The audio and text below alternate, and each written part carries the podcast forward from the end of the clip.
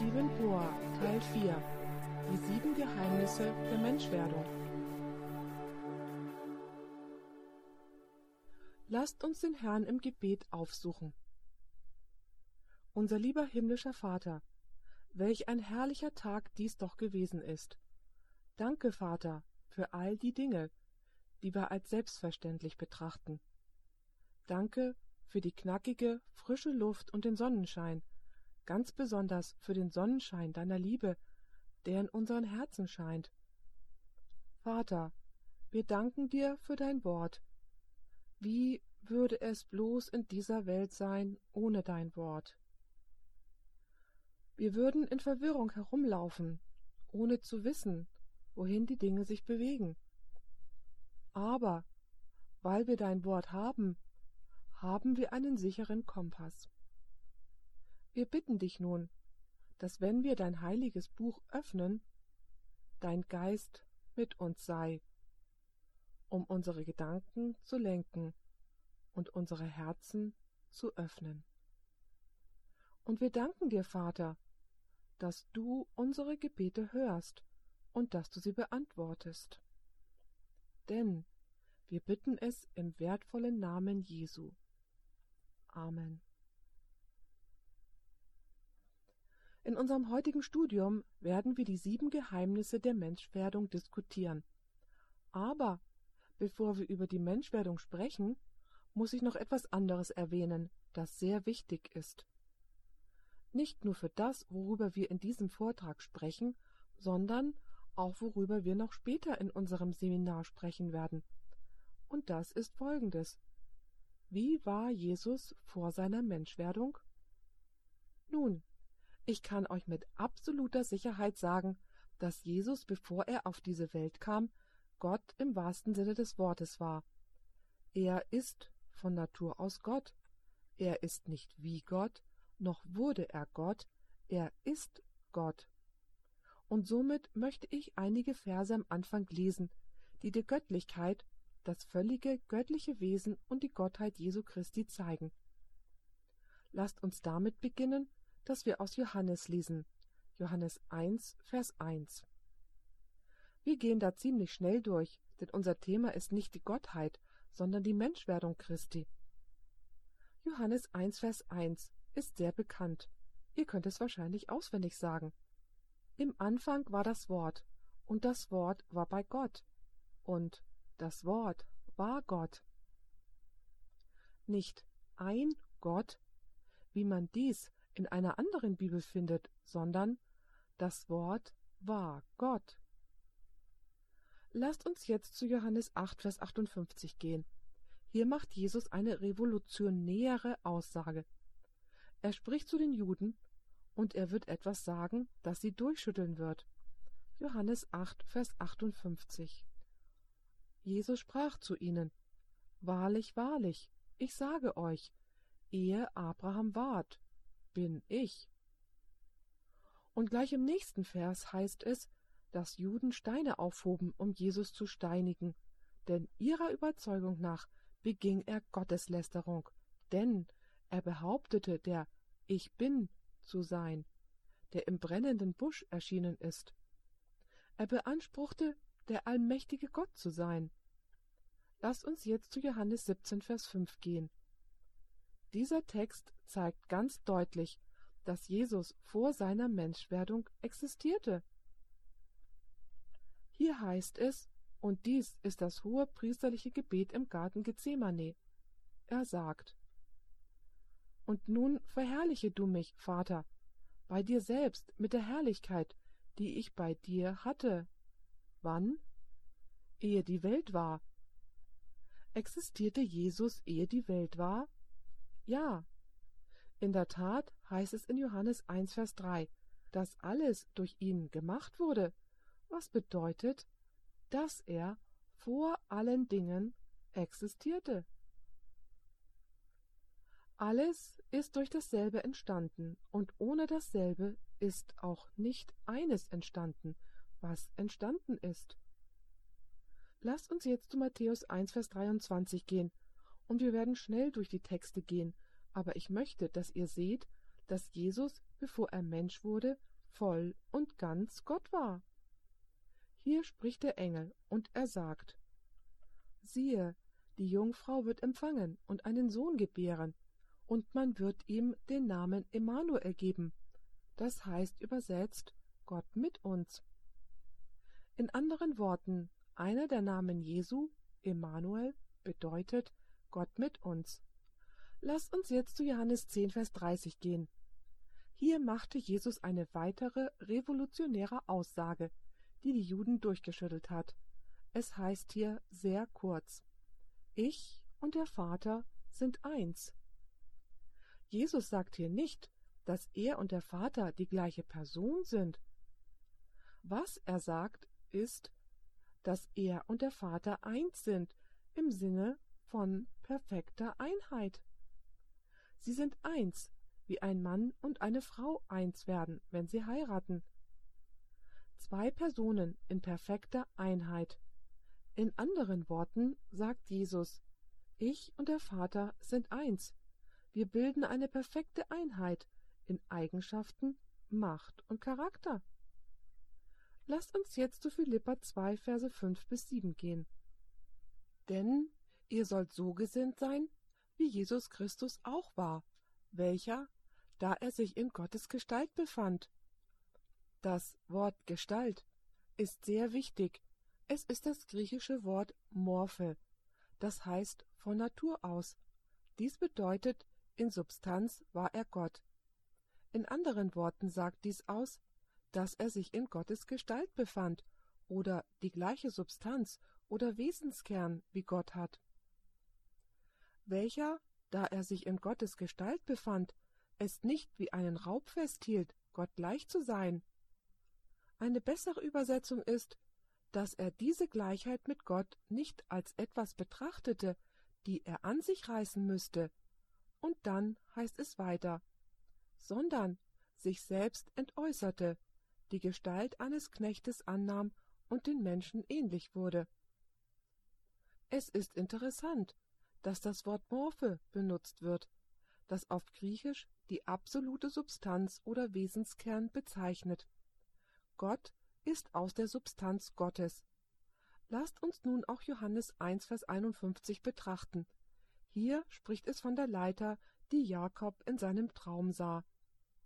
Und er spricht zu ihm, Wahrlich, wahrlich, ich sage euch, von nun an werdet ihr den Himmel offen sehen und die Engel Gottes auf und niedersteigen auf des Menschen Sohn. Wenn ihr jetzt zur ersten Mose 28 zurückgeht, findet ihr etwas sehr Interessantes. Ihr werdet finden, dass es heißt, dass die Leiter ganz fest auf der Erde stand, wie eingepflanzt, und die Spitze der Leiter reichte bis in die höchsten Himmel hinein. Nun, der Fuß der Leiter stellt die Menschheit Christi dar. Er ist eins mit uns. Und das obere Ende der Leiter stellt die Gottheit oder die Göttlichkeit von Jesus Christus dar. Denn er ist eins mit dem Vater. In anderen Worten, Jesus kann Himmel und Erde überbrücken, denn er ist Gott mit Gott und er ist Mensch mit Mensch. So, das Erste, was ich möchte, dass ihr beachtet, ist, dass gemäß des Neuen Testamentes Jesus Gott ist, im buchstäblichen Sinn des Wortes, und die Leiter zeigt, dass Jesus auch Mensch ist, im buchstäblichen Sinn des Wortes. Lass uns nun einige Verse lesen, die Jesus Christus darstellen, als völligen Menschen, ganz menschlich.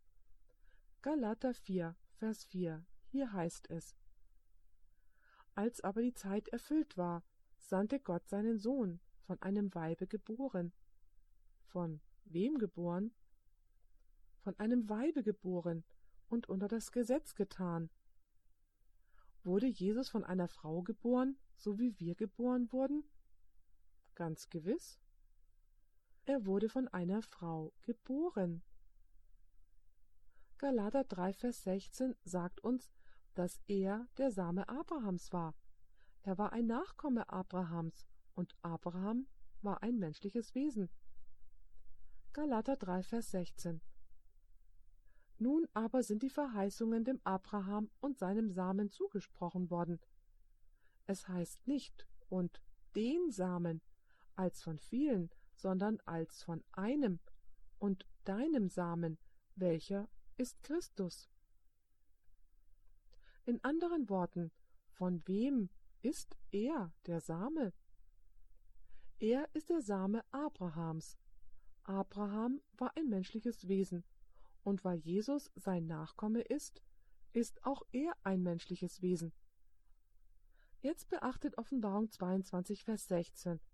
Das ist ein sehr interessanter Vers, der sich auf beides bezieht, auf die Göttlichkeit und das Menschsein Jesu Christi. Es heißt dort in Offenbarung 22, Vers 16. Jesus spricht. Ich, Jesus, habe meinen Engel gesandt, euch solches für die Gemeinden zu bezeugen. Und nun beachtet, was er sagt. Ich bin die Wurzel und der Spross Davids, der glänzende Morgenstern. Habt ihr gesehen, dass Jesus Davids Vater und auch Davids Sohn ist? Die Frage ist nun, wie kannst du der Vater und auch der Sohn einer Person sein? Denn Jesus ist die Wurzel Davids. In anderen Worten, David kommt von ihm und er ist auch der Spross Davids. In was für einem Sinn ist Jesus die Wurzel Davids? In dem Sinn, dass Jesus der Schöpfer war, bevor er Mensch wurde. Und er ist der Spross Davids, denn er wurde was? Er wurde Mensch, und er war ein Nachkomme durch das Fleisch von David. Jetzt beachtet Johannes 1, Vers 14. Ein weiterer Vers, der vom Menschsein Christi spricht. Es heißt hier, Und das Wort ward Fleisch und wohnte unter uns. Das Wort wohnte kann genauso übersetzt werden mit zeltete oder schlug sein Zelt in unserer Mitte auf. Im nächsten Vortrag werden wir über den Dienst Jesu im Lager sprechen, bevor er in den Vorhof ging, um zu sterben.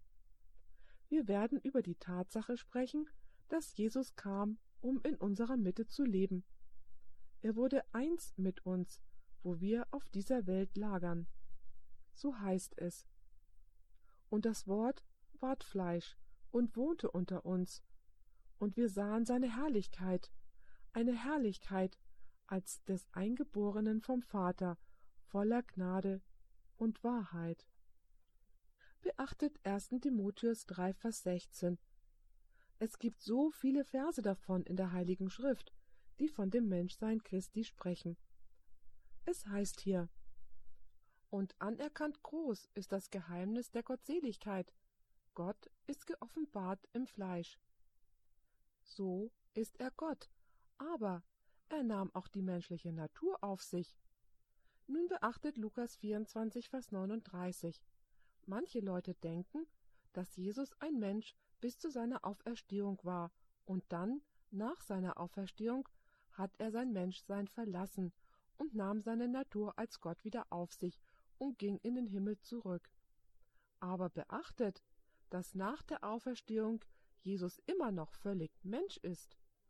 Es heißt in Lukas 24, Vers 39, Jesus spricht zu seinen Jüngern, Sehet an meinen Händen und Füßen, dass ich es bin. Rühret mich an und sehet, denn ein Geist hat nicht Fleisch und Bein, wie ihr sehet, dass ich habe. Hatte Jesus Fleisch und Bein nach seiner Auferstehung? Das hatte er ganz gewiss. Nun, es gibt noch einen weiteren Abschnitt in Johannes 20, Verse 24 bis 29. Da war ein Jünger, der nicht anwesend war, als Jesus am Abend nach der Auferstehung erschien. Der Name dieses Jüngers war Thomas. Wir kennen ihn als den zweifelnden Thomas, und ihr werdet gleich mal sehen, warum wir ihn den zweifelnden Thomas nennen. Johannes 20, Vers 26 bis 29. Thomas ist nun da, den Sonntag nach dem Sonntag der Auferstehung. Lasst uns nun mit der Geschichte ab Vers 26 fortfahren. Thomas aber, einer von den Zwölfen, der Zwilling genannt wird, war nicht bei ihnen, als Jesus kam. Da sagten ihm die andern Jünger, Wir haben den Herrn gesehen. Er aber sprach zu ihnen, Wenn ich nicht an seinen Händen das Nägelmal sehe und lege meinen Finger in das Nägelmal und lege meine Hand in seine Seite, so glaube ich es nicht. Und nach acht Tagen waren seine Jünger wiederum dort und Thomas bei ihnen. Da kommt Jesus, als die Türen verschlossen waren, und tritt mitten unter sie und spricht Friede sei mit euch.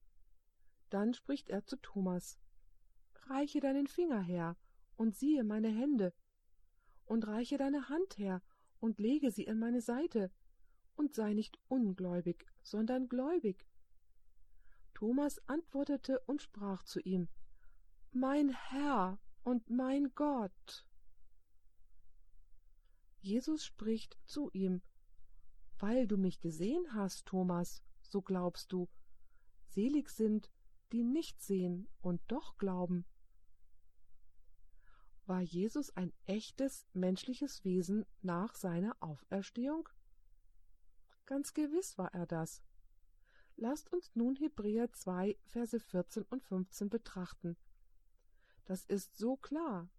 Hier heißt es, da nun die Kinder, das sind wir, Fleisch und Blut gemeinsam haben, ist er in ähnlicher Weise dessen teilhaftig geworden, damit er durch den Tod den außer Wirksamkeit setzte, der des Todes Gewalt hat, nämlich den Teufel, und alle diejenigen befreite, welche durch Todesfurcht ihr ganzes Leben hindurch in Knechtschaft gehalten wurden. Gemäß der heiligen Schrift kam Jesus und nahm Fleisch und Blut auf sich das hat er ganz gewiss getan. Er war ein menschliches Wesen im buchstäblichen Sinne des Wortes. Er war auch Gott. Er wurde der Gottmensch genannt. Er ist Gott und er ist Mensch in einer Person. Zwei Persönlichkeiten, zwei Naturen in einer Person. Bitte, bittet mich nicht darum, das zu erklären. Es ist ein Geheimnis, ich kann nicht erklären, wie eine Person zwei Persönlichkeiten haben kann, die Natur Gottes und die Natur des Menschen. Das ist eines der Geheimnisse, von dem ich noch nicht einmal weiß, ob Gott es uns in der Ewigkeit erklären wird. Aber jetzt müssen wir nicht wissen, wie es geschehen ist.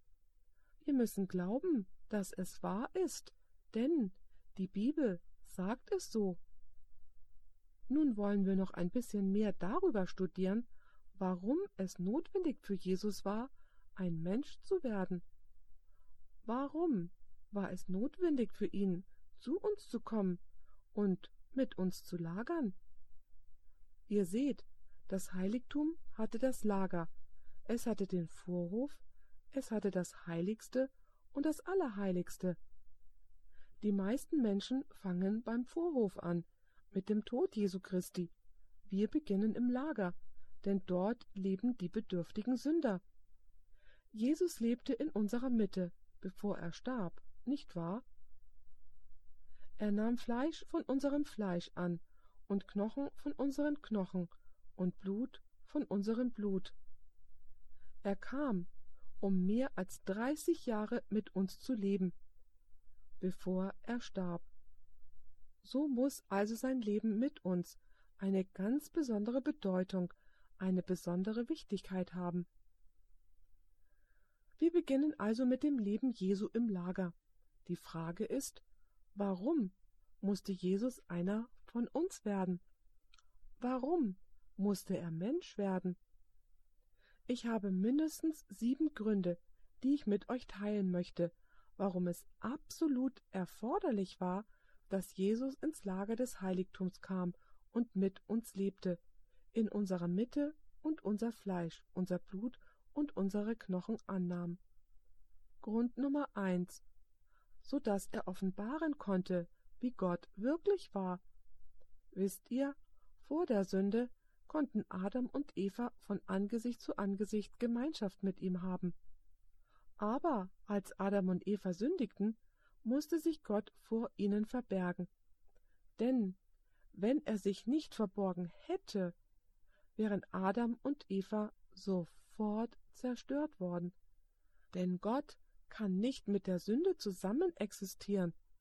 Somit musste Gott sich verbergen. Ich möchte, dass ihr 2. Mose 33, Vers 20 beachtet, wo uns gesagt wird, wo uns ganz klar gesagt wird, dass niemand Gottes Angesicht sehen und im sündigen Zustand leben kann. Es heißt dort in 2. Mose 33, Vers 20. Aber mein Angesicht, sprach Gott, kannst du nicht sehen, denn kein Mensch wird leben, der mich sieht. Beachtet auch 5. Mose 4, Verse 23 und 24. Hier wird von Gott gesprochen als ein verzehrendes Feuer gegen Sünde.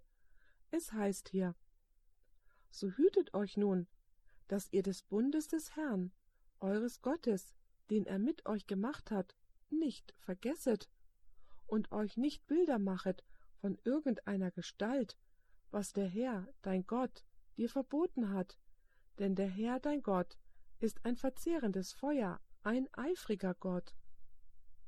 Uns wird in 1. Timotheus 6, Verse 15 und 16 gesagt, dass Gott in einem unzugänglichen Lichte wohnt, welchen kein Mensch gesehen hat, noch sehen kann. Zumindest in ihrem sündigen Zustand so hatte Gott nun ein Problem. Denn die Bibel sagt uns, dass Adam und Eva mit Gott von Angesicht zu Angesicht sprachen. Aber als der Mensch sündigte, musste Gott sich verbergen, denn seine Herrlichkeit hätte diese Sünder zerstört. Aber die Bibel sagt uns, um gerettet zu werden, müssen wir Jesus Christus kennen, und wir müssen Gott kennen.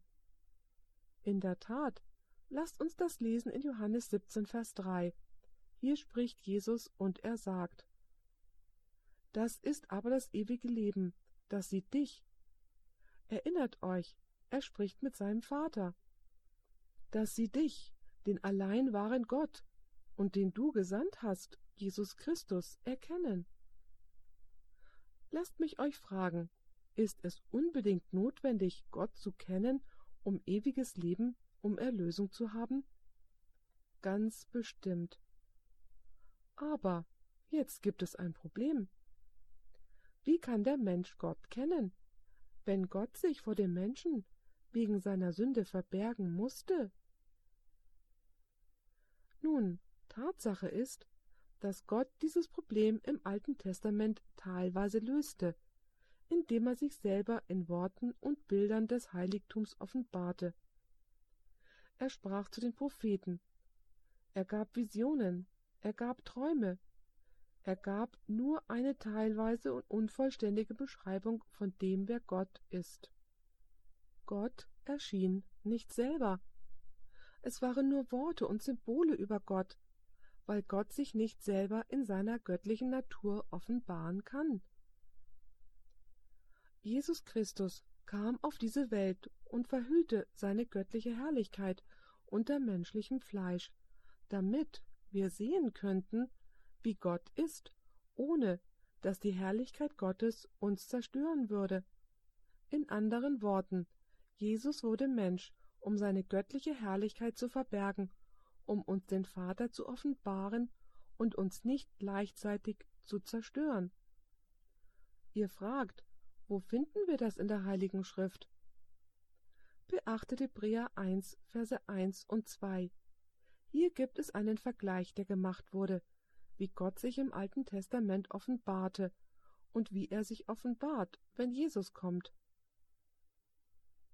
Nachdem Gott vor Zeiten manchmal auf mancherlei Weise zu den Vätern geredet hat durch die Propheten, hat er zuletzt in diesen Tagen zu uns geredet durch den Sohn, welchen er zum Erben von allem eingesetzt, durch welchen er auch die Weltzeiten gemacht hat.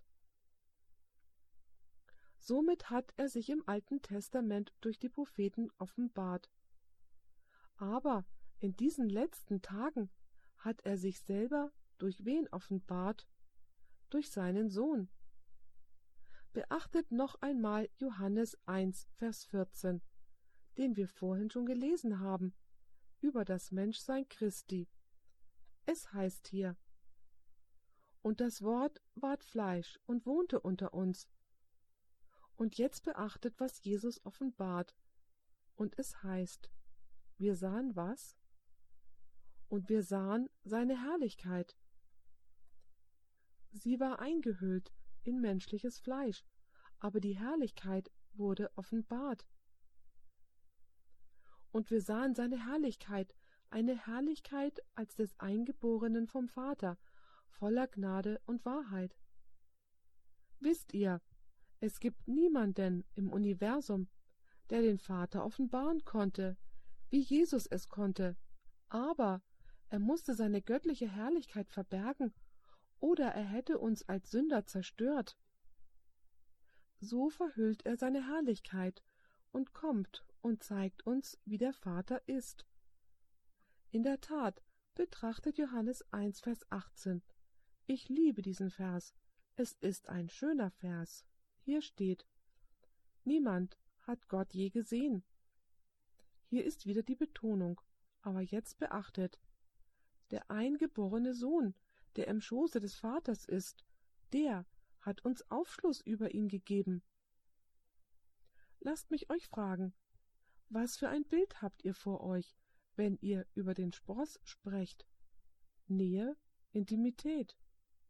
In anderen Worten, der, der im Schoß des Vaters war, am nächsten zum Vater von allen, hat offenbart, wie der Vater ist.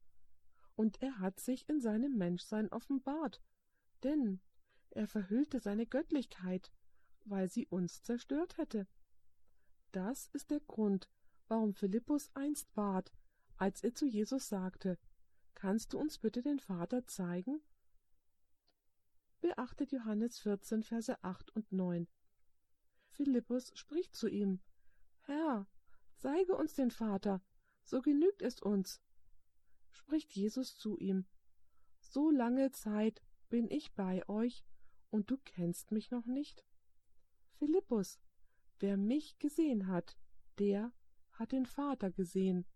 Wie kannst du sagen, zeige uns den Vater? Wie der Vater, so der Sohn. So verhüllt Jesus seine göttliche Herrlichkeit und offenbart, wie Gott ist, ohne den Sünder zu zerstören. Er musste das menschliche Fleisch annehmen, um Gott zu offenbaren, ohne gleichzeitig den Sünder zu vernichten. Es gibt einen zweiten Grund, warum Jesus das menschliche Fleisch annehmen musste, damit Jesus für unsere Sünden sterben konnte.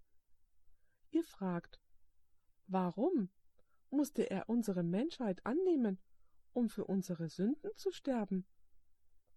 Das ist sehr einfach. 1. Timotheus 6, Verse 15 und 16. Wir haben das schon gelesen, aber lasst es uns noch einmal lesen. Es spricht hier von Gott, es heißt, welche zu seiner Zeit zeigen wird, der Selige und allein Gewaltige, der König der Könige und der Herr der Herrschenden, der allein Unsterblichkeit hat. Was hat Gott? Unsterblichkeit, und hier kommt es. Der in einem unzugänglichen Lichte wohnt, welchen kein Mensch gesehen hat, noch sehen kann. Ihm sei Ehre und ewige Macht. Amen. Was hat Gott? Gott hat Unsterblichkeit. Kann Gott sterben? Das wäre lächerlich zu sagen, dass Gott sterben kann. Gott ist von Natur aus unsterblich. Er ist das Leben, Leben von sich selber heraus. Gott als Gott kann nicht sterben. So, warum musste Jesus die menschliche Natur annehmen? Er musste eine sterbliche menschliche Natur annehmen, damit er was machen konnte? Damit er für unsere Sünden sterben konnte. Denn wenn er nur als Gott gekommen wäre, hätte er nicht sterben können, denn Gott ist unsterblich. Gott stirbt nicht. Nun ist die Frage, ist Jesus wirklich gestorben? Ja, ganz gewiss. Beachtet Hebräer 2, Vers 9. Den aber, der ein wenig unter die Engel erniedrigt worden ist, Jesus, sehen wir wegen des Todesleidens mit Herrlichkeit und Ehre gekrönt, damit er durch Gottes Gnade für jedermann den Tod schmeckte. Ist Jesus wirklich gestorben? Ist seine Göttlichkeit oder Gottheit gestorben? Nein, sein Menschsein starb, um für unsere Sünden zu sterben. Wenn Jesus nicht als Mensch gekommen wäre, würden wir noch in unseren Sünden sein. Beachtet Johannes 19, Vers 30. Hier spricht es vom Tod Christi. Er starb wirklich. Als nun Jesus den Essig genommen hatte, sprach er, Es ist vollbracht, und er neigte das Haupt und übergab den Geist. Ist Jesus wirklich gestorben? Natürlich starb er wirklich. Ist er für seine eigenen Sünden oder ist er für unsere Sünden gestorben? Er starb für unsere Sünden. Er nahm menschliche Natur an, sterbliche menschliche Natur, damit er sterben konnte. Denn Gott, die Göttlichkeit Gottes, stirbt nicht. Ellen White schreibt in dem Buch Ausgewählte Botschaften, Band 1, Seite 30, diesen sehr interessanten Kommentar. Sie sagt und sie zitiert Christus. Ich bin die Auferstehung und das Leben. Er, der gesagt hat, ich lege mein Leben nieder, dass ich es wieder nehme. Und nun achtet hierauf, kam aus dem Grab hervor, zu leben, das in ihm selber war. Jesus kam aus dem Grab mit einem Leben, das in ihm selber war, weil er Gott war. Aber beachtet, was sie weiter sagt. Menschlichkeit starb, doch die Göttlichkeit starb nicht. In seiner Göttlichkeit besaß Christus die Macht, die Bande des Todes zu brechen. Er verkündet, dass er Leben in sich selber hat, zu beleben, wen er will. So hat Jesus die sterbliche menschliche Natur angenommen, damit er für unsere Sünden sterben konnte.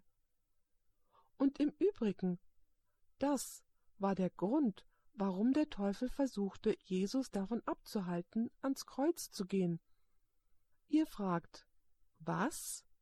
Ich dachte, dass der Teufel wollte, dass Jesus ans Kreuz gehen würde, um dort zu sterben. Oh nein, das hat er nicht gewollt.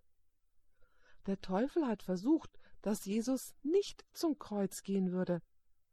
Lasst mich euch einige Beispiele geben. Auf dem Berg der Versuchung sagte der Teufel Ich gebe dir alle Königreiche der Welt, wenn du niederkniest und mich anbetest. Du brauchst nicht ans Kreuz zu gehen. Erinnert ihr euch an Petrus, als Jesus sagte Ich muss nach Jerusalem gehen und leiden, sterben und am dritten Tag auferstehen. Was sagte Petrus da? Oh, das soll dir nie widerfahren. Und dann sagte Jesus, Hebe dich weg von mir, Satan. Matthäus 16, Vers 23. Er hat nicht zu Petrus gesprochen, er sprach zu dem Teufel, der Petrus dazu benutzte, um Jesus vom Kreuz wegzubringen. Sogar gegen Ende seines Lebens kamen einige Griechen zu Jesus und sie sagten, Wir möchten, dass du kommst und das Evangelium in Griechenland verkündigst. Und Jesus sagte, Es ist noch nicht an der Zeit, das Evangelium in Griechenland zu predigen. Es ist Zeit, für den Menschensohn verherrlicht zu werden. Sogar als Judas ihn verriet. Wisst ihr, manche Leute denken, dass Judas Jesus verraten hat, weil er wollte, dass Jesus getötet wird. Auf gar keinen Fall. Der Teufel benutzte Judas, um Jesus zu verraten, denn er hoffte, dass Christus, wenn er gefangen genommen und misshandelt werden würde, er den Thron übernehmen würde. Ihr fragt, wie können wir das wissen? Als sein Plan, einen Schuss nach hinten machte, nahm er das Geld und warf es den Priestern vor die Füße und wollte Selbstmord begehen. Wenn er gewollt hätte, dass Jesus stirbt, wäre er froh gewesen, aber sein Plan machte einen Schuss nach hinten. Sogar als Jesus dort am Kreuz auf Golgatha hing, waren dort Menschen am Fuß des Kreuzes und sagten, Wenn du wirklich der Sohn Gottes bist, komm vom Kreuz herunter. Ihr fragt, wollte der Teufel Jesus nicht töten? Ja, der Teufel wollte Jesus töten, aber er wollte nicht, dass Jesus sein Leben freiwillig dahingeben würde. Der Teufel versuchte viele Male, Jesus während seines Dienstes zu töten. Aber Jesus zu töten wäre kein Opfer für die Sünde, denn die Bibel sagt, dass Jesus sein Leben freiwillig dahingeben müsste, sich selber geben müsste, um die Menschen zu retten. Es war nicht genug für den Teufel, ihn einfach nur zu töten. Versteht ihr, was ich sage? So musste Jesus Mensch werden, damit er für unsere Sünden sterben konnte. Und übrigens, sein Tod ist ein für allemal. Jesus wird nicht ständig geopfert, wie in einer der Kirchen von heute gelehrt wird. Wisst ihr, dort wird das Opfer Jesu immer und immer wieder wiederholt. Keineswegs. Als Jesus am Kreuz starb, starb er ein für allemal. Nie wieder ein Opfer Christi. Es war nicht zu wiederholen und es war vollständig. In der Tat wird uns das in Hebräer 7, Vers 27 gesagt. Es spricht hier von Christus, der nicht, wie die hohen Priester täglich nötig hat, zuerst für die eigenen Sünden Opfer darzubringen, danach für die des Volkes, denn das hat er ein für allemal getan, indem er sich selbst zum Opfer brachte. Ihr seht, der Teufel hat ihm das Leben nicht genommen. Jesus sagte in Johannes 10, Vers 17, Weil ich mein Leben lasse, auf das ich es wieder nehme. Lasst uns nun den dritten Grund betrachten, warum Jesus Mensch werden musste. Er musste Mensch werden, damit wir wissen, dass er mit uns mitfühlt, dass er uns versteht. Beachtet Hebräer 5, Verse 1 und 2. Hier ist der Grundsatz. Es heißt hier, denn jeder aus Menschen genommene hohe Priester. Woher ist er genommen? Aus den Menschen. Wird für Menschen eingesetzt, zum Dienst vor Gott, um sowohl Gaben darzubringen, als auch Opfer für Sünden. Ein solcher kann Nachsicht üben mit den Unwissenden und Irrenden, da er auch selbst mit Schwachheit behaftet ist. Lasst mich euch fragen, versteht Jesus uns wirklich? Kann er wirklich mit uns mitfühlen? Können wir wissen, dass er weiß, wie es ist, in unseren Schuhen zu gehen? Ganz gewiss. Beachtet Hebräer 2, Verse 11 und 12. Und dann werden wir die Verse 14 und 17 lesen. Es heißt hier, Denn sowohl der, welcher heiligt, als auch die, welche geheiligt werden, das ist Jesus und wir, stammen alle von einem ab. Denn wir sind alle was? Wir alle sind menschliche Geschöpfe, nun beachtet, wie es weiter heißt. Aus diesem Grunde schämt er sich auch nicht, sie Brüder zu nennen. Jesus schämt sich nicht, uns Brüder zu nennen, weil wir alle menschliche Wesen sind. Wir alle kommen von einem. Vers 14. Da nun die Kinder, das sind wir, Fleisch und Blut gemeinsam haben, ist er in ähnlicher Weise dessen teilhaftig geworden, damit er durch den Tod den außer Wirksamkeit setzte, der des Todes Gewalt hat, nämlich den Teufel. Vers 17 Daher musste er in allem den Brüdern ähnlich werden. Warum musste er uns, den Brüdern, ähnlich werden, ein menschliches Wesen? Hier ist der Grund, damit er was sein würde? Damit er barmherzig sein würde und ein treuer hoher Priester vor Gott, um die Sünden des Volkes zu sühnen. Jesus musste ein menschliches Wesen werden, damit er barmherzig sein würde und treu, und dass er uns vor Gott darstellen kann als einer, der unsere Situation versteht.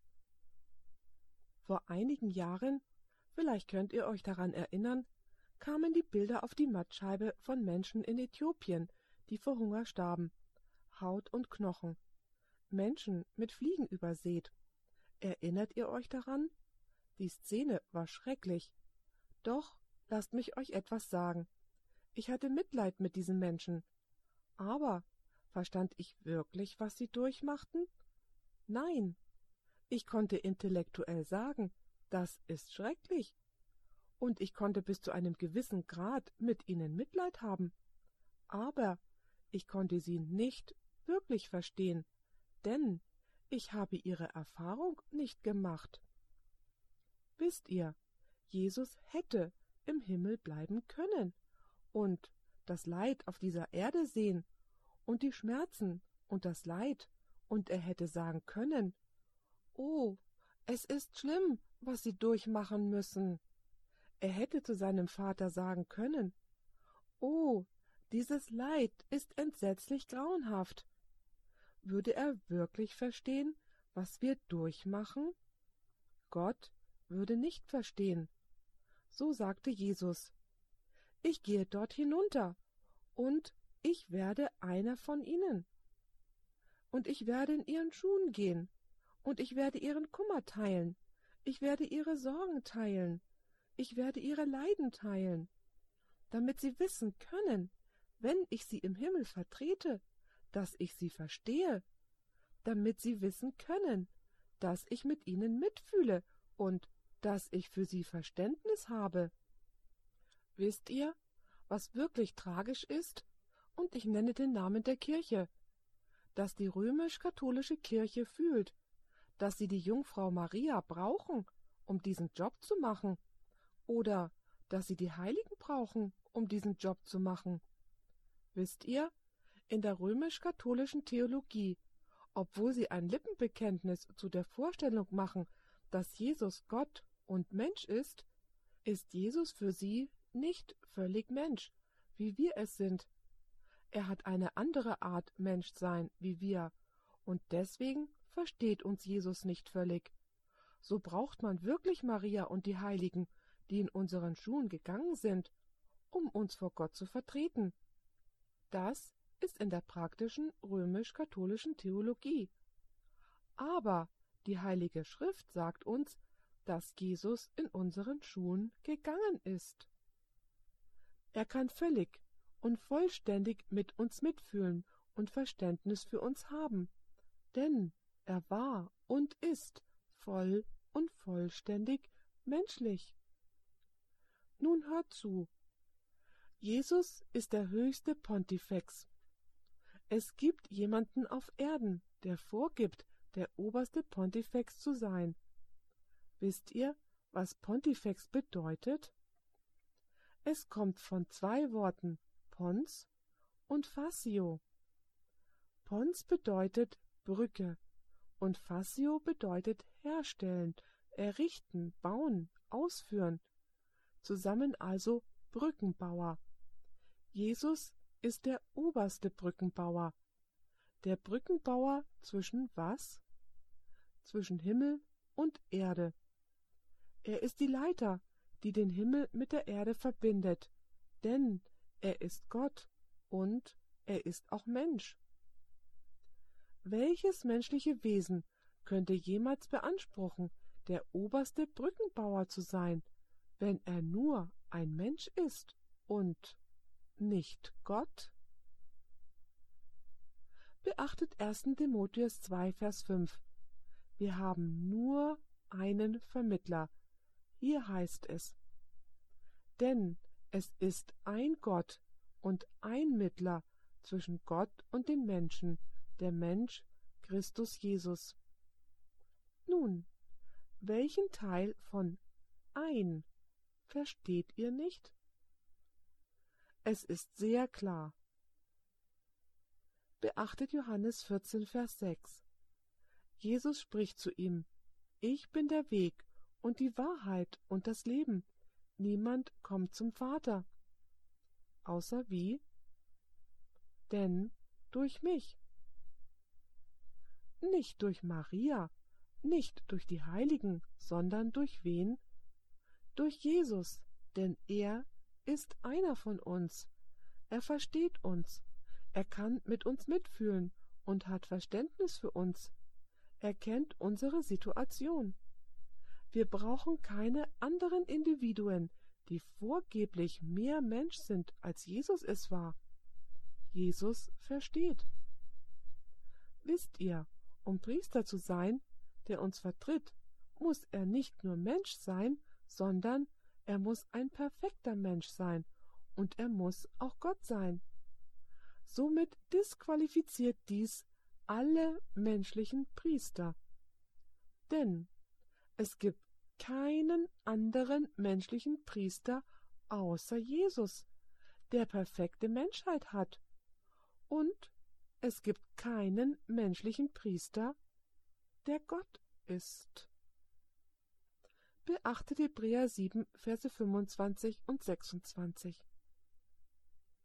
Daher kann er auch bis aufs äußerste die retten, welche durch ihn zu Gott kommen. Durch wen? Durch Maria? Nein. Durch die Heiligen? Nein. Durch Jesus, denn es heißt, da er immer da lebt, um für sie einzutreten. Warum? kann Jesus vor dem Vater für uns eintreten? Nicht nur, weil er Mensch ist, sondern weil er ein perfekter Mensch ist. So, dies disqualifiziert jeden Priester, den ich jemals gekannt habe. Beachtet, dass es weiter in Vers 26 sagt. Denn ein solcher hoher Priester geziemte uns, der heilig unschuldig, unbefleckt von den Sündern abgesondert und höher als der Himmel ist. Damit Jesus uns vertreten kann, muss er Gott sein und er muss ein perfekter, sündloser Mensch sein. Das disqualifiziert jede Priesterschaft auf Erden, die behauptet, fähig zu sein, uns vor dem Thron Gottes zu vertreten. Wisst ihr, Jesus als Gott vertritt uns vor Gott.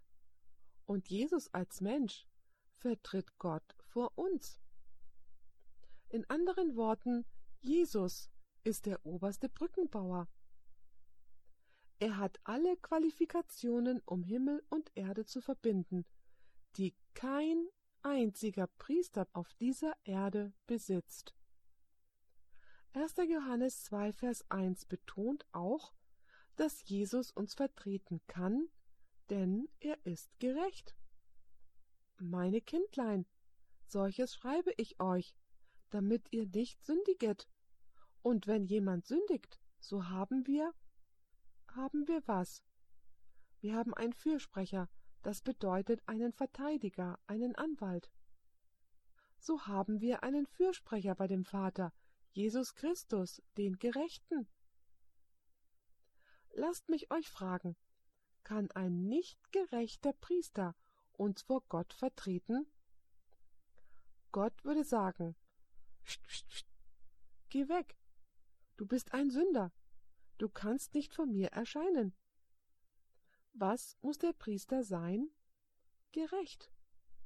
Und wenn ich zu Jesus komme, wir werden darüber in unseren nächsten Lektionen sprechen, wenn ich zu ihm komme, ich bereue und ich bekenne meine Sünden und sage, Jesus, ich bin so armselig, ich bin verloren, bitte nimm deine Gerechtigkeit, dein vollkommenes, gerechtes Leben und rechne es mir an. Dann nimmt Jesus sein gerechtes Leben und rechnet es mir an, und Gott sieht mich an, als ob ich nie gesündigt hätte. Ein menschlicher Priester kann das nicht tun. Der vierte Grund, warum Jesus Mensch werden musste. Ist die Menschwerdung wichtig? Klar, es ist eine Angelegenheit von Leben und Tod. Er musste kommen, um zuerst im Lager zu leben, bevor er im Vorhof sterben konnte. Beachtet den vierten Grund. Jesus wurde Mensch, so dass er versucht werden konnte und denen helfen kann, die versucht werden. Wisst ihr, dass die Bibel sagt, dass Gott nicht versucht werden kann? Beachtet Jakobus 1, Vers 13. Niemand sage, wenn er versucht wird, ich werde von Gott versucht. Denn Gott kann nicht vom Bösen versucht werden. Er selbst versucht auch niemand. Kann Gott vom Bösen versucht werden? Natürlich nicht. So, was wäre passiert, wenn Jesus als Gott gekommen wäre? Denkt ihr, dass der Teufel Gott verführen kann?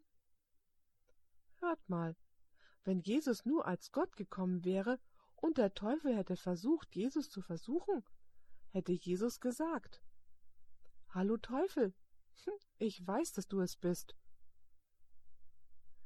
Denn die Allwissenheit Jesu hätte ihm nicht erlaubt, verführt zu werden.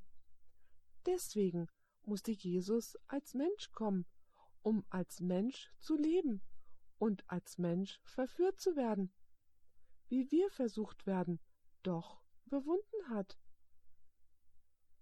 Wisst ihr, wenn Jesus auch nur einen Sieg über Satan errungen hätte, indem er seine eigene göttliche Kraft benutzt hätte, hätte der Teufel gesagt Das ist unfair.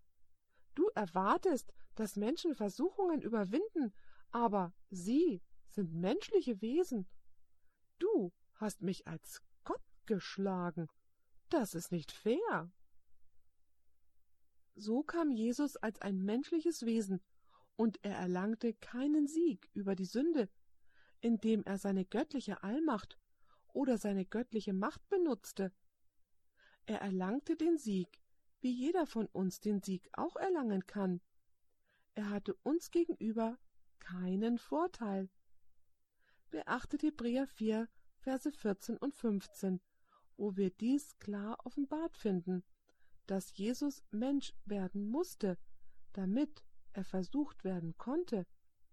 Es heißt hier, da wir nun einen hohen Priester haben, der die Himmel durchschritten hat, Jesus, den Sohn Gottes, so lasset uns festhalten an dem Bekenntnis, denn wir haben nicht einen hohen Priester, der kein Mitleid haben könnte mit unseren Schwachheiten, hier ist der Begriff, dass er mit uns mitfühlen kann. Nun beachtet, wie es weiter heißt.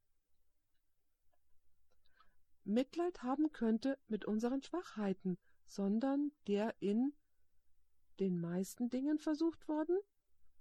Nein, sondern der in allem gleich wie Adam versucht wurde? Nein, sondern der in allem gleich wie wir versucht worden ist, doch ohne Sünde. Wisst ihr, wir sind wie kleine Kiesel am Strand. Habt ihr schon mal am Strand die Wellen gesehen? Die Wellen kommen und die kleinen Kiesel werden nach vorne geschwemmt. Dann geht die Welle zurück und die kleinen Kiesel werden mit nach hinten gezogen. So sind wir vor der Verführung. Wir werden vor und zurück bewegt. Ich liebe es, an die Pazifikküste zu gehen und einfach nur dort zu stehen und von der Höhe aus runterzuschauen, wie die großen Wellen gegen diese großen Felsbrocken am Rande der See krachen, und die Wellen krachen gegen diese Felsen, und die Wellen ziehen sich zurück, und die Felsen stehen immer noch dort. So war Jesus. Wir sind wie kleine Kiesel, die vor und zurück bewegt werden. Aber Jesus begegnete allen Wellen der Verführung, aber wenn die Wellen sich zurückzogen, war Jesus siegreich geblieben. Die Bibel sagt, weil er in allem gleich wie wir versucht worden ist. Ist er dazu fähig, uns zu helfen, wenn wir versucht werden? Jetzt sagen aber manche Leute, nun, Pastor Bohr, Jesus hat nie gesündigt. Wie kann er uns verstehen, die wir sündigen? Nun lasst mich euch das veranschaulichen. Wenn du im Treibsand versinken würdest, hättest du da lieber jemanden, der auf festem Boden steht mit einem Seil, das er dir zuwirft, oder hättest du lieber jemanden im Treibsand, der Mitleid mit dir hat? Stellt euch vor, ihr beide seid im Treibsand. Oh, wie schrecklich, nicht wahr? Wir sinken, wir werden sterben. Wenn Jesus gesündigt hätte, wäre er mit uns zusammen im Treibsand. Preis den Herrn, dass er jeder Versuchung begegnet ist und vieles mehr, als wie wir leiden, und doch blieb er standhaft. Er sündigte nie. Wenn er gesündigt hätte, so könnte er nicht unser Retter und Erlöser sein. Beachtet Hebräer 2, Vers 18. Denn worin er selbst gelitten hat, als er versucht wurde, kann er denen helfen, die versucht werden. Ihr seht hier, Jesus ist der große Vorkämpfer oder Wegbereiter. Wisst ihr, Jesus hat uns den Weg gebahnt.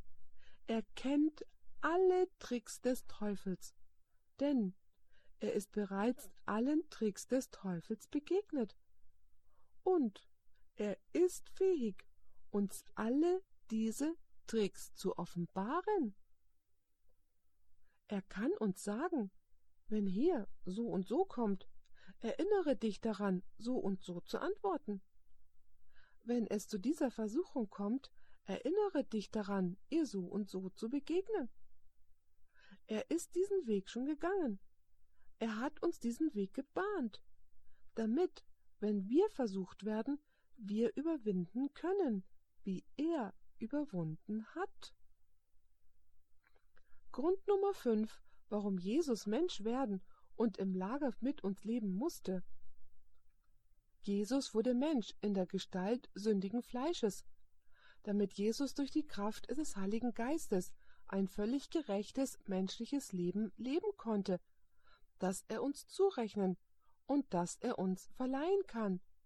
Nun, das sind hochtrabende theologische Begriffe, zurechnen und verleihen. So lasst mich einfach erklären, was sie bedeuten. Jesus lebte ein vollkommenes Leben. Er lebte ein Leben, das wir leben sollten. Das Leben, das das Gesetz fordert. Das Gesetz sagt, ich verlange Vollkommenheit. Wenn du mir keine Vollkommenheit gibst, wirst du sterben. Jesus kam und lebte das vollkommene Leben, das das Gesetz fordert. Er lebte an meiner Stelle. Wenn ich dann zu Jesus in Reue komme und meine Sünden bekenne und seinem Verdienst vertraue, nimmt Jesus das vollkommene Leben, das er lebte, und er rechnet es mir an. Und Gott schaut auf mich, als ob ich nie gesündigt hätte. Musste Jesus Mensch werden, damit er mir sein Leben anrechnen kann? Ganz genau. Aber Jesus kam nicht nur, damit er mir sein Leben zurechnen kann, er kam auch, damit er uns seine Gerechtigkeit verleihen kann, damit wir ein heiliges Leben leben können. Der Heilige Geist, der sein Leben entwickelte, hat jetzt das Muster. Denn der Heilige Geist entwickelte das Musterleben, Und dieser gleiche Heilige Geist ist gewillt, unser Leben in Harmonie und Übereinstimmung mit dem Leben Jesu zu formen. Wisst ihr, es ist nicht genug für Jesus, für uns zu leben. Jesus möchte auch in uns leben. Das erste ist zugerechnete Gerechtigkeit, das zweite wird verliehene Gerechtigkeit genannt. Lasst mich euch das veranschaulichen, was ich meine.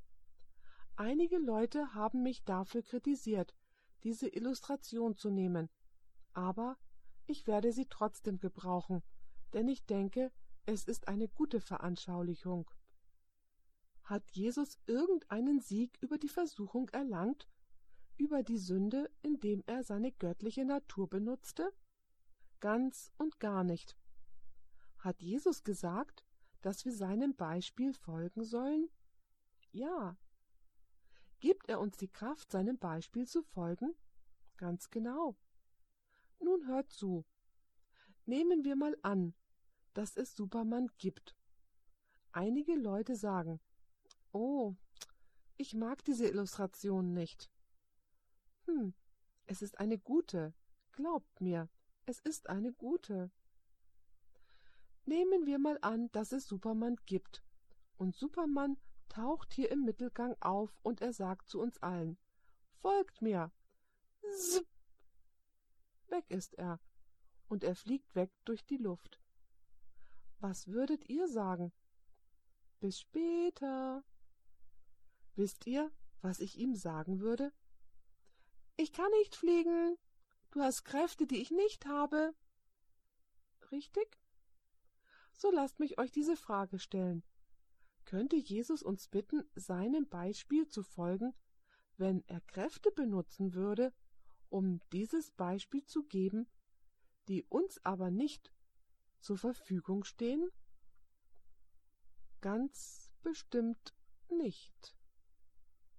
Die Bibel sagt uns wiederholt, dass Jesus uns ein Beispiel gegeben hat, dem wir folgen sollen, und Gott gibt uns die Kraft, dem Beispiel zu folgen. Es ist nicht nur, dass man das Beispiel anschaut und sagt, okay, ich werde es nachmachen.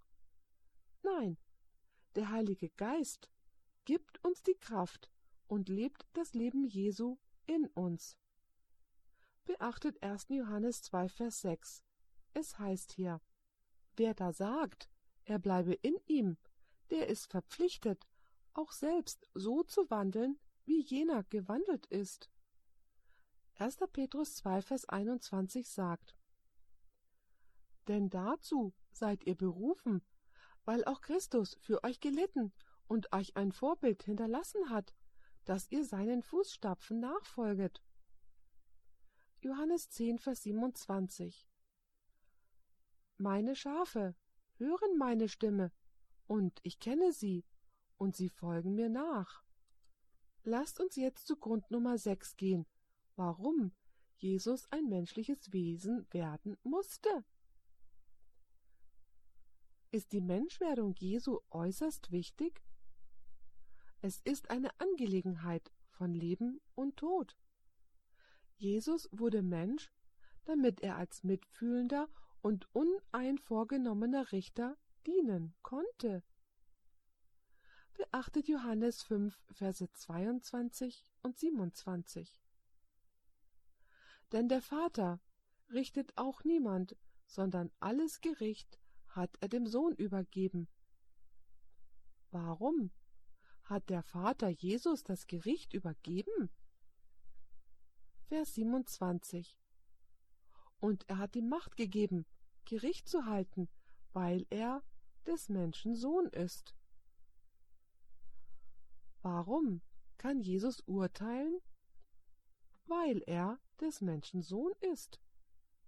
Werden wir alle vor dem großen Richterstuhl Christi stehen? 2. Korinther 5, Vers 10 sagt, Denn wir alle müssen vor dem Richterstuhl Christi offenbar werden, damit ein jeglicher empfange, was er vermittels des Leibes gewirkt hat, es sei gut oder böse. Wisst ihr, was die gute Nachricht ist für diejenigen, die Jesus Christus angenommen, ihre Sünden bekannt, sich bekehrt und durch die Kraft des Heiligen Geistes den Sieg über die Sünde errungen haben? Wisst ihr, was die gute Nachricht ist? Der Richter ist auch unser Verteidiger. Ich liebe das. Wollt ihr einen Richter haben, der auf eurer Seite steht? Ja. Wisst ihr, Jesus ist durch unsere Erfahrungen gegangen. Wenn wir zu ihm kommen, dann wird Jesus nicht nur den Mund des Teufels verschließen, indem er sagt, dieser Mensch, ja, er hat gesündigt. Ganz klar, die Aufzeichnung ist hier. Aber er oder sie hat mich als Erlöser und Herr angenommen. Und deswegen werde ich kein Schuldigurteil verhängen, weil der Richter auch der Verteidiger ist. Das ist die gute Nachricht. Lasst mich euch fragen, könnte Jesus als Richter dienen, wenn er kein menschliches Wesen wäre? Könnte er wirklich mit uns mitfühlen? Könnte er uns gerecht vertreten mit Einfühlungsvermögen und Mitleid? Ganz und gar nicht. Ich hätte Angst, vor dem Richterstuhl Gottes zu erscheinen und niemanden zu haben, der mich vertritt, der hierher als menschliches Wesen gehört. Es gibt einen zweiten Grund, warum nur Jesus Christus urteilen kann, und das ist, dass es in der Gerichtsverhandlung keine Entschuldigungen geben wird. Ich möchte, dass ihr euch vorstellt, dass jemand sagt Nun, weißt du, es ist leicht für dich, da auf dem Thron zu sitzen und mich für alle Sünden, die ich begangen und nicht bereut habe, zu verurteilen. Aber du kannst es gar nicht richtig verstehen, wie es war, durch Depressionen und Leid zu gehen und Drogen zu nehmen. Wisst ihr, was Jesus sagen wird? Entschuldigung, warst du jemals auf Golgatha? Warst du jemals in Gethsemane? Höre, ich wurde mit Drogen versucht, als ich am Kreuz hing. Sie boten mir eine Droge an, um meine Schmerzen zu lindern, und ich habe Nein gesagt. So, was sagtest du? Was ist deine Entschuldigung? Nur ein menschliches Wesen, das in unseren Schuhen gegangen ist, wird jemand sein, der keine Entschuldigung in der Gerichtsverhandlung akzeptiert, warum man der Sünde angehangen hat. Lasst uns nun zu Nummer sieben gehen.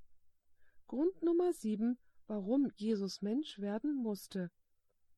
Damit er wiederkommen kann bei seinem zweiten Kommen. Lasst uns Johannes 14, Verse 1 bis 3 lesen, was äußerst missverstanden wird. Jesus sagt, Euer Herz erschrecke nicht, vertrauet auf Gott und vertrauet auf mich. In meines Vaters Hause sind viele Wohnungen. Viele Leute sagen, dass Jesus in den Himmel auffuhr, um Wohnungen zu bauen. Nein, das hat er nicht gemacht. Er sagt, in meines Vaters Hause sind viele Wohnungen. Sie waren bereits da, als er das sagte. Jesus braucht keine zweitausend Jahre, um himmlische Bauvorhaben durchzuführen, wenn er die Welt in sechs Tagen erschaffen und am siebten Tag geruht hat. So sagt er. In meines Vaters Hause sind viele Wohnungen. Wo nicht, so hätte ich es euch gesagt. Und nun hört gut zu. Ich gehe hin, euch eine Stätte zu bereiten. Gewöhnlich denken wir, dass Jesus in den Himmel aufgefahren ist, um Häuser zu bauen und Bäume zu pflanzen und einen Ort für uns zu bereiten. Aber wisst ihr, warum Jesus zurück in den Himmel ist? Er ist zum Himmel zurückgegangen, um seinen Vermittlungsdienst im Heiligen fortzuführen. Das ist ein Teil der Vorbereitung für uns für den Himmel. seht ihr, wenn wir sein Leben auf Erden leben und indem wir seinen Tod sterben, trifft er jetzt Vorsorge, dass ich zu ihm kommen kann und sagen, Jesus, es tut mir leid, ich bekenne meine Sünde, ich vertraue auf deine Verdienste. Nimm das Leben, das du gelebt hast, und den Tod, den du gestorben bist, und Herr, bitte, rechne es mir an. Und ich bin im Geliebten angenommen. Das ist das, was Jesus jetzt tut. Wir werden darüber in unseren nächsten Vorträgen sprechen. Wisst ihr, da gibt es diese Auffassung, dass Jesus am Kreuz jedem die Sünde vergeben hat. Nein, nein. Jesus hat niemandem die Sünde am Kreuz von Golgatha vergeben. Jetzt sagt ihr, das ist irgendwie eine Irrlehre, was Pastor Borda lehrt. Ich werde es aus der Heiligen Schrift beweisen. Wisst ihr, Sünde wird vergeben, wenn ihr zu Jesus im Glauben kommt und ihr beansprucht, was Jesus mit seinem Leben und seinem Tod getan hat. Und dann gibt es noch etwas, das er tun muss, um eine Stätte für uns zu bereiten.